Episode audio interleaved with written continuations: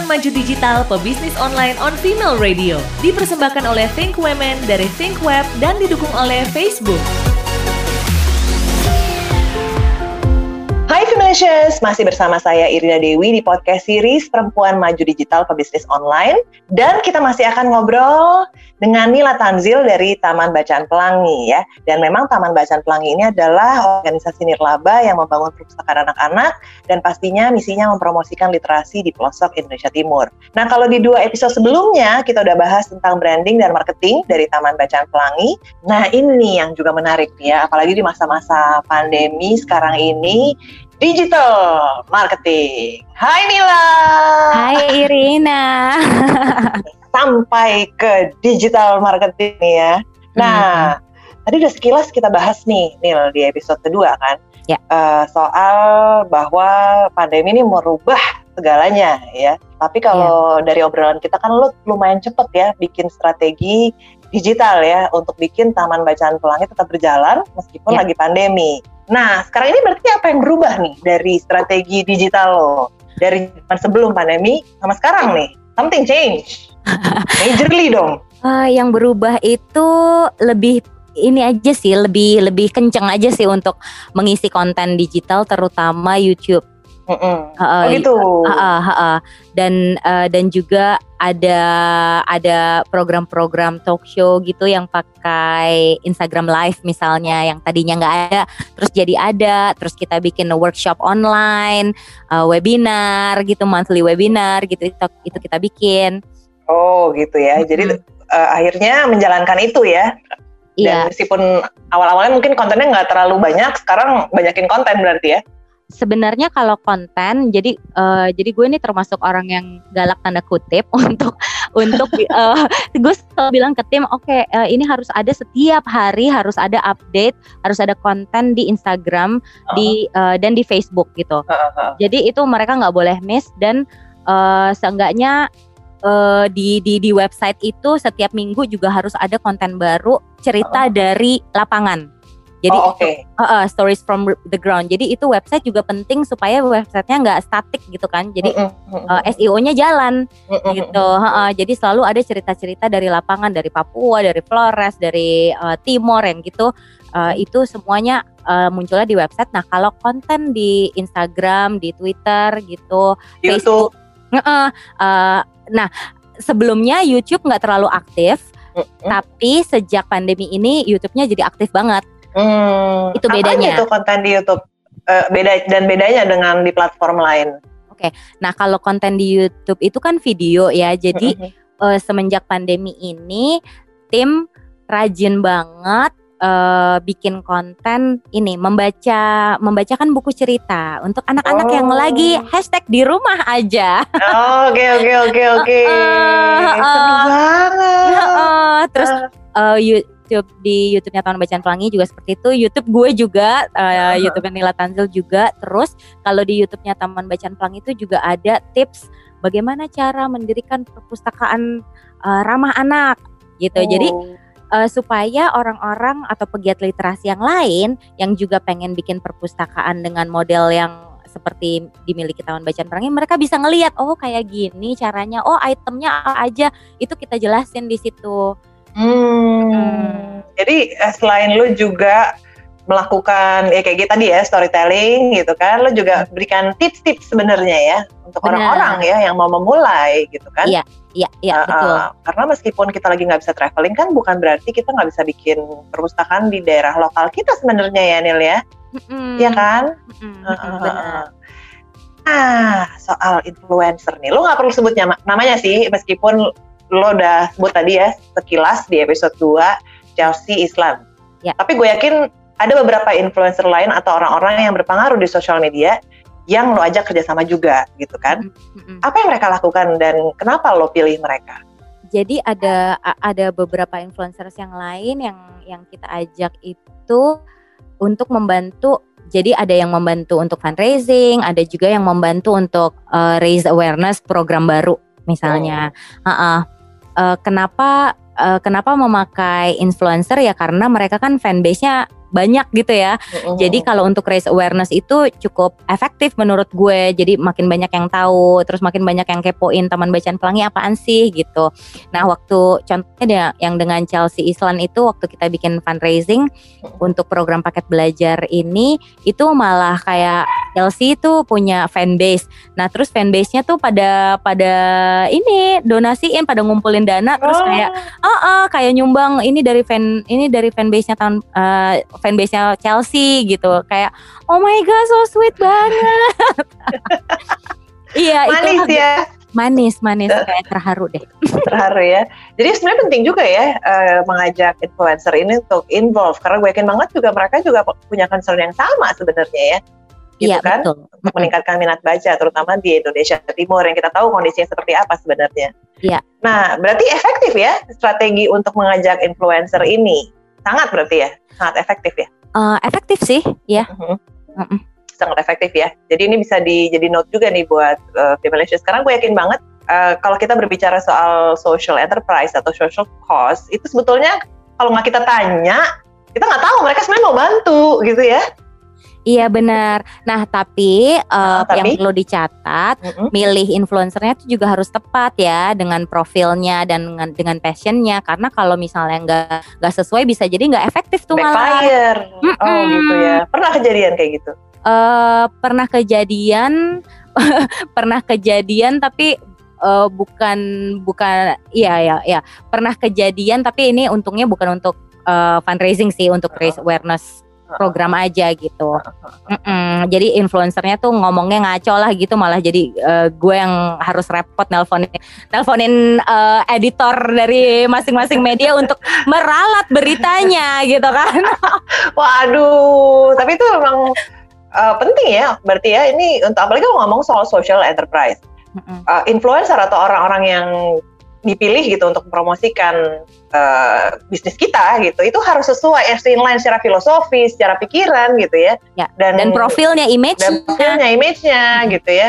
Jadi justru lebih berat tugasnya. It's not just selling uh, something gitu. It's, it's higher than that gitu. It's bigger than that kan. Itu berhubungan dengan semua social cost-nya jadi kan. Iya, berantakan benar. kalau dia salah ngomong. Iya kan, jadi waktu itu rep- lumayan repot juga gue. Emang salah ngomong apa sih? Cik, gue kepo banget. Adalah, Tapi hati-hati tuh berarti ya untuk milih. Kalau memang nggak yakin sama profilnya ya udah nggak usah aja mendingan ya karena harus inline. You're talking about social cause here gitu kan. Ya, Jadi hatinya harus di tempat yang tepat ya. nah betul. Oke oke. Tadi ngomong soal konten-konten, kita sempat bahas sedikit nih mengenai konten-konten yang disajikan di aset-aset digital Taman Bacaan Pelangi. Eh, tadi udah disebut juga kalau di YouTube ya ada storytelling, terus ada apalagi kalau di YouTube tadi lo bilang Ada tips-tips. tips-tips gitu kan. ya, uh-uh, Kalau tips- Facebook gimana nih? kan eh, Facebook dan eh, Facebook dan Instagram itu juga kita ki- kita feature ini konten yang edukatif dan informatif juga kayak misalnya data-data literasi di Indonesia, data-data pendidikan di Indonesia, terus juga eh, diselingi dengan foto-foto perpustakaan Taman Bacaan Pelangi, foto Mhm. anak lagi baca buku. Dan sekarang juga eh, sejak pandemi kita Taman Bacaan Pelangi bikin ini TBP Talks. Oh, TBP Talks. Apa nih Mm-mm. TBP Talks nih, Nil? Nah, TBP TBP Talks itu tujuannya untuk raising awareness tentang program Taman Bacaan Pelangi, terus juga untuk profiling guru-guru inspiratif. Oh, gitu. Seru banget. Jadi lo memprofilkan si guru-guru ini, tampil guru-guru ini berarti ya? tampil, tampil. Oh. Heeh. jadi itu wah eh, menarik banget soalnya eh, setiap guru tuh bisa cerita, oke saya ini udah ngajar berapa tahun yang gitu kan, terus eh, mereka juga bisa benar-benar cerita dari experience mereka dengan adanya perpustakaan di sekolah mereka tuh bedanya apa sih? Apakah kalian ngelihat, apakah mereka ngelihat bedanya di anak-anak gitu, di perkembangan anak-anak yang gitu mereka cerita. Terus kadang-kadang di akhir program tuh eh, guru-guru itu juga membacakan buku cerita untuk yang nonton. Oh, lucu banget. Ini IG, IG Live berarti ya? Ya. IGTV? Eh, IG IG live, IG live. Oh, ya berarti di IG Live ya. Mm-mm. Dan pas kalau kita ke Instagram sekarang bisa ada IGTV-nya? Iya, Atau ada potongannya? Ada ya?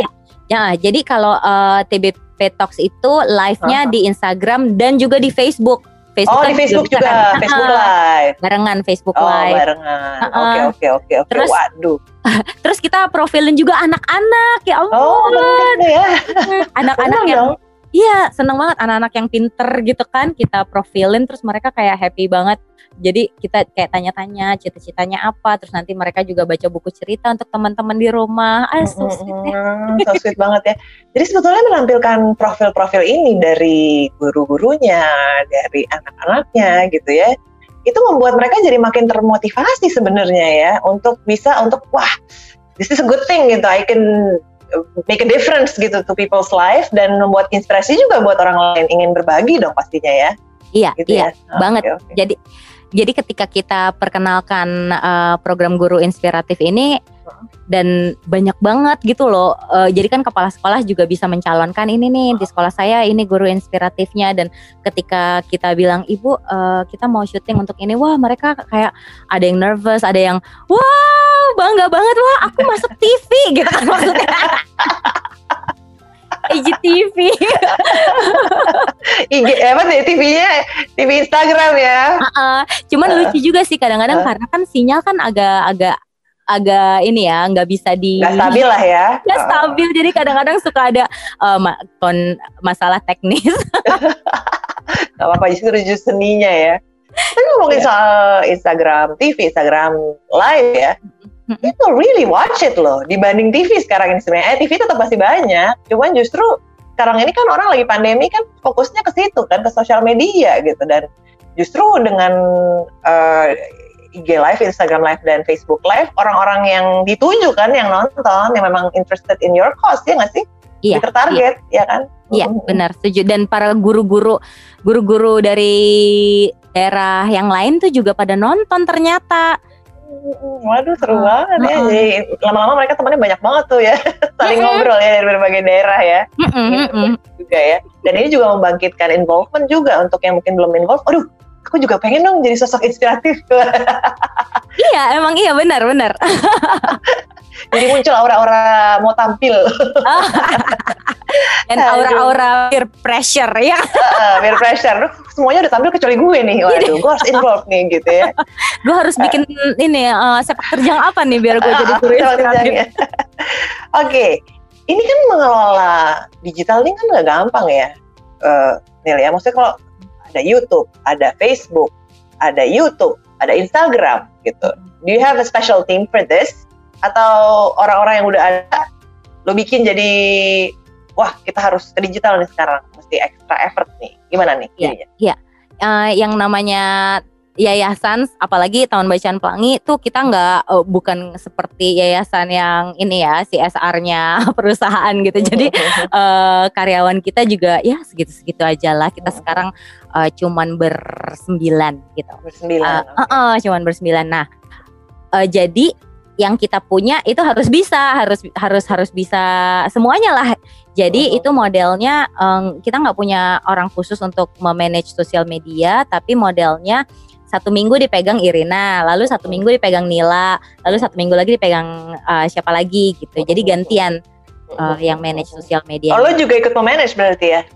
Eh, gue sekarang udah enggak jadi Oh, gue mau ya? monitor lo monitor sekarang ya, lo bos gue lupa ya. dulu gue semua gue ngerjain sendiri Dulu lo mimin ya, mimin admin. kadang-kadang Oke. masih juga sih kalau kalau misalnya ada hari-hari tertentu kadang-kadang itu gue yang ngepost eh, dan gue yang Oh. jawab jawabin eh, eh, message gitu Oh, tapi special occasion aja kalau lihat ada konten yang penting banget, lo ngepost gitu ya. Tetap involve gitu, tapi Iya. sekali-sekali aja. Pusing ya kalau tiap hari ya. kita Oke. harus bisa delegate de- Ya, de- bisa- bisa delegate.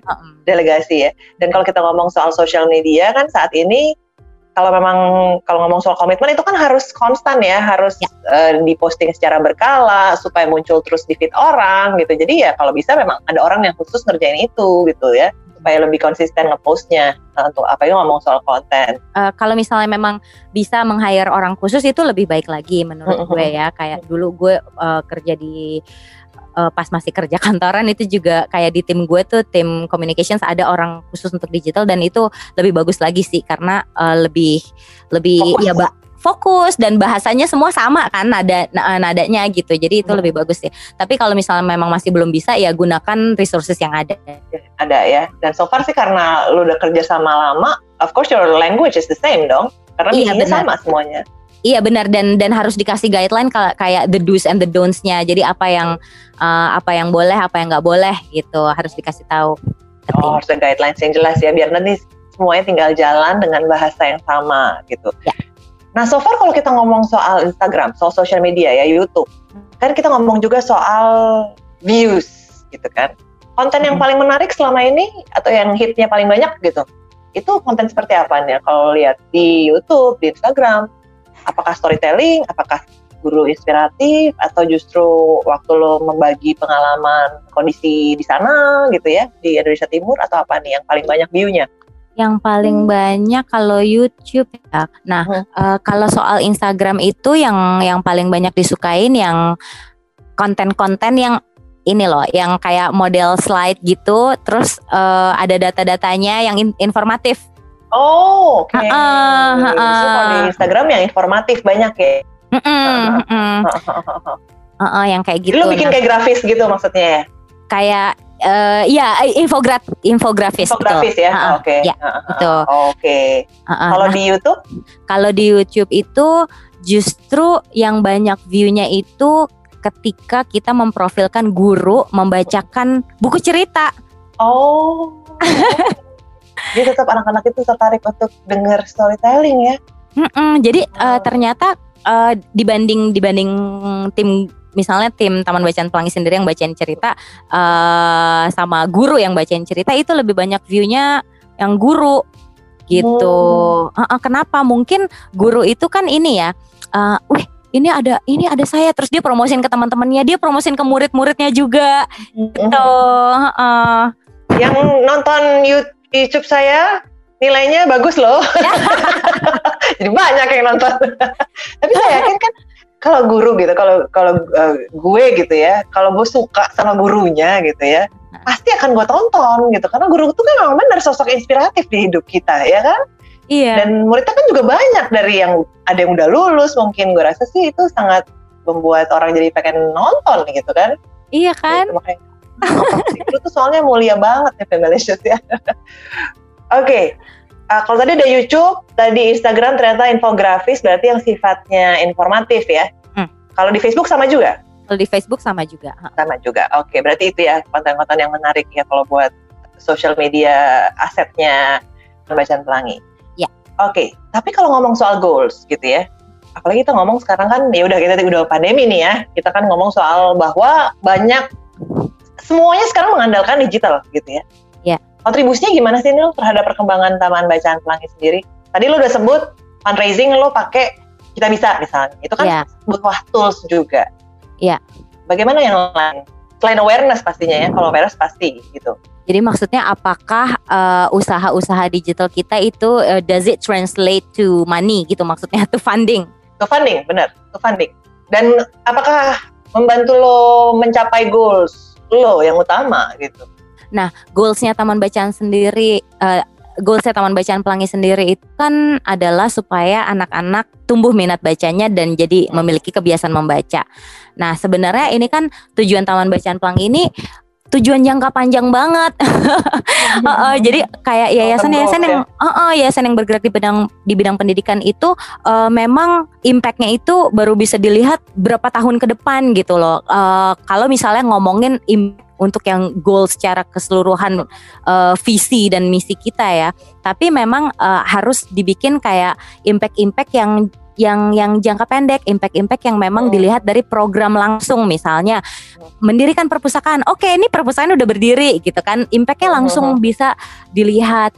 Buku yang tadinya nggak ada buku sekarang di tiap perpustakaan jadi ada 1250 buku minimal untuk anak-anak. Nah, impactnya anak-anak langsung dapat akses ribuan buku gitu yang kayak gitu. Nah, terkait dengan uh, konten digital yang Taman Bacaan Pelangi miliki ini membantu dalam hal raise awareness itu udah pasti. Terus uh, untuk yang kedua itu membantu meyakinkan donor. Jadi ketika kita mau uh, ngetuk pintu tanda kutip donor gitu ya. Donor itu they always do their research. Jadi Hmm. mereka tuh selalu ngecek uh, website kita pertama. Oh iya ini websitenya uh, update terus gitu. Itu itu uh, komentar yang selalu gue dapat dari dari don- Hmm. dari calon donor tuh. Oh ya bagus ya websitenya selalu update ada cerita gitu. Setiap minggunya tuh ada cerita baru. Mereka pasti bilang gitu karena banyak juga uh, website yayasan-yayasan yang statis kan kayak udah lama nggak diupdate. Nah itu nggak Hmm. boleh banget tuh menurut gue. Oh, oke oke Hmm. oke. Update terus ya. Jadi kelihatan nih masih Masih berjalan hidup. terus nih, masih Ah, ah. hidup nih gitu kan. Kalau kalau update tiga tahun yang lalu gitu, waduh. Nah itu nih ini beneran Gitu masih kan. ada nggak gitu kan? Heeh, heeh, heeh. Uh, nah demikian juga dengan konten di sosial media gitu itu juga harus diupdate terus karena kalau enggak uh, orang mikirnya aduh ini udah nggak aktif nih nggak serius nih ngerjainnya gitu. Oke oke oke oke oke oke. Jadi lebih ke ini ya, uh, lebih ke building trust. hmm oke oke oke oke. Penting tuh ya. Mm-mm, Penting banget. Benar karena kan apalagi kalau ngomong soal funding ya lembaga-lembaga ini pasti kan nggak mau dong nanti waduh kalau nggak dijalankan secara cepat gitu ngapain gue involve gitu kan gitu kan Iya, uh-uh, Harus- websitenya aja nggak diurusin nih gitu Ah, kan. websitenya udah urus nggak perpustakaannya gitu. padahal justru lebih fokus perpustakaannya tapi harus berkesinambungan berarti ya Harus. apa yang dibikin harus ditampilkan juga di sosial media because Iya. nowadays people can go ya kan. Orang kan lagi nggak bisa traveling gitu ya Betul. dan ya namanya brand image dari social business yang ada ya dilihat dari digital gitu kan jadi harus update terus sering lo ngupdate sih kalau ngomong soal YouTube, Instagram, Facebook. Oke, kalau kalau Instagram itu setiap hari, Facebook juga Hmm. setiap hari. Heeh. Um, Nah kalau kalau YouTube bisa dilihat seminggu itu minimal ada empat konten minimal. Ah, selot. itu yang edit siapa nih ya? Kan YouTube videos gitu kan nggak gampang Iya. editnya. Jadi di tim Taman Bacaan Pelangi itu ada dua orang yang jago ngedit. Jadi yang yang yang satu emang udah berbakat, makanya kita hire dia. Terus eh, yang satu yang satu lagi tiba-tiba menemukan bakatnya yang baru gara-gara pandemi Oh, ini. Mm-mm. Oh, Taman Bacaan Pelangi juga membuat orang jadi ini ya mengerti diri sendiri. Iya, jadi kreatif. jadi kreatif. Ternyata berbakat di situ ya. Oh, jadi ada orang-orang yang memang jadinya fokus di editing gitu ya. Jadi bisa naik terus kontennya. Mm-mm. Oh, Oke oke, Gitu. karena itu cukup banyak ya tiap hari Banyak. update, terus empat video di YouTube, that's a lot. Eh, Waduh, female radio harus belajar nih, yo. Buat konten Taman Bacaan Pelangi aja bisa. Radio harus lebih banyak lagi dong. Oke, kalau ngomong soal lokasi nih, kayaknya orang perlu tahu di mana nih, Nil, perpustakaan perpustakaannya Taman Bacaan Pelangi. Di mana aja sih lokasinya dan kenapa lo milih lokasi itu? Jadi ada 133 perpustakaan yang sudah didirikan oleh Taman Bacaan Pelangi dan tersebar di 18 pulau di Indonesia Timur. Mulai dari Lombok, Sumbawa, Flores, Sumba, Timor, Alor, Sulawesi, Maluku. Eh, Maluku itu ada di Banda Neira dan di Halmahera Selatan dan di Papua itu ada 9 lokasi kita. Ada yang di Raja Ampat, di Kabupaten Sorong, di Sentani dan juga ada di Puncak Jaya Wijaya. Ah serius? Punya Jaya Iya. Wijaya? Iya. Jadi memang lokasi-lokasi Taman Bacaan Pelangi itu benar-benar yang di remote uh, remote places. Remote places.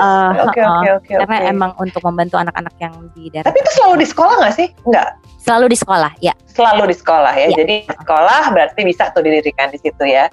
Iya. Gitu ya. Uh, kita Uh, survei dulu kan, kita Uh. survei dan ada beberapa kriterianya, termasuk leadership kepala sekolahnya bagus Uh-uh. atau enggak gitu. Uh, adalah beberapa kriteria yang, yang lain. Kalau memenuhi syarat, maka kita akan pilih sekolah tersebut. Oh oke oke. Nah sekarang nih ini yang bikin penasaran juga nih kalau Femalicious gitu ya mau terlibat ya di Taman Bacaan Pelangi karena gue yakin gitu ya eh, semua orang pasti concern soal pendidikan. Semua orang pingin akses membaca anak-anak di Indonesia itu makin besar pastinya. Apa yang harus dilakukan? Kita harus ke mana nih? Eh, Kalau mau membantu Taman Bacaan Pelangi ada berbagai cara. Uh, pertama bisa dari as simple as mendonasikan dana atau buku dan itu semua infonya ada di website kita tamanbacaanpelangi.com ya tamanbacaanpelangi.com atau bisa juga menghubungi uh, kami di di Instagram itu pelang, @pelangibook di Facebook Taman Bacaan Pelangi dan di Twitter juga @pelangibook. Oke, itu nah. dia nih Femalicious ya yang mau involve ya dan pastinya kan ini bisa menyangkut waktu, uang dan skill juga sebenarnya kan ya. Jadi nggak mm -hmm. melulu harus uang ya. Iya. Uh, ya. Misalnya ada yang jago desain gitu kan, bisa loh bantuin bantuin Taman Bacaan Pelangi bikin e-flyers, uh, posters gitu kan untuk komunika uh. untuk marketing collaterals kita. Oh, oke oke oke oke. Thank you so much Neil. Obrolan kali ini benar-benar membuka pikiran gue banget gitu ya. gue dari dulu tahu lo nggak bisa diem, cuman gue baru sadar lo tuh nggak bisa diem. Lo nggak bisa diem banget. Aduh. Banyakan energi. banyak energi ya, tapi bener ya ini kan berawal dari lo suka traveling juga iya. dikombinasi dengan lo hobi baca jadilah uh -huh. si Taman Bacaan Pelangi ini yang bikin impact sama banyak orang. Betul. Ya, pasti ya. Oke ngobrolnya ya. Iya iya iya iya. iya. Thank you so much okay. Nila. thank you for having me. nah, Femilicious, barusan kita udah ngobrol dengan Nila Tanzil ya dari Taman Bacaan Pelangi. Sampai ketemu di podcast selanjutnya, Perempuan Maju Digital Pebisnis Online. See you next time. Bye-bye. Buat perempuan maju, kita semua maju. Perempuan Maju Digital, pebisnis online on Female Radio. Dipersembahkan oleh Think Women dari Think Web dan didukung oleh Facebook.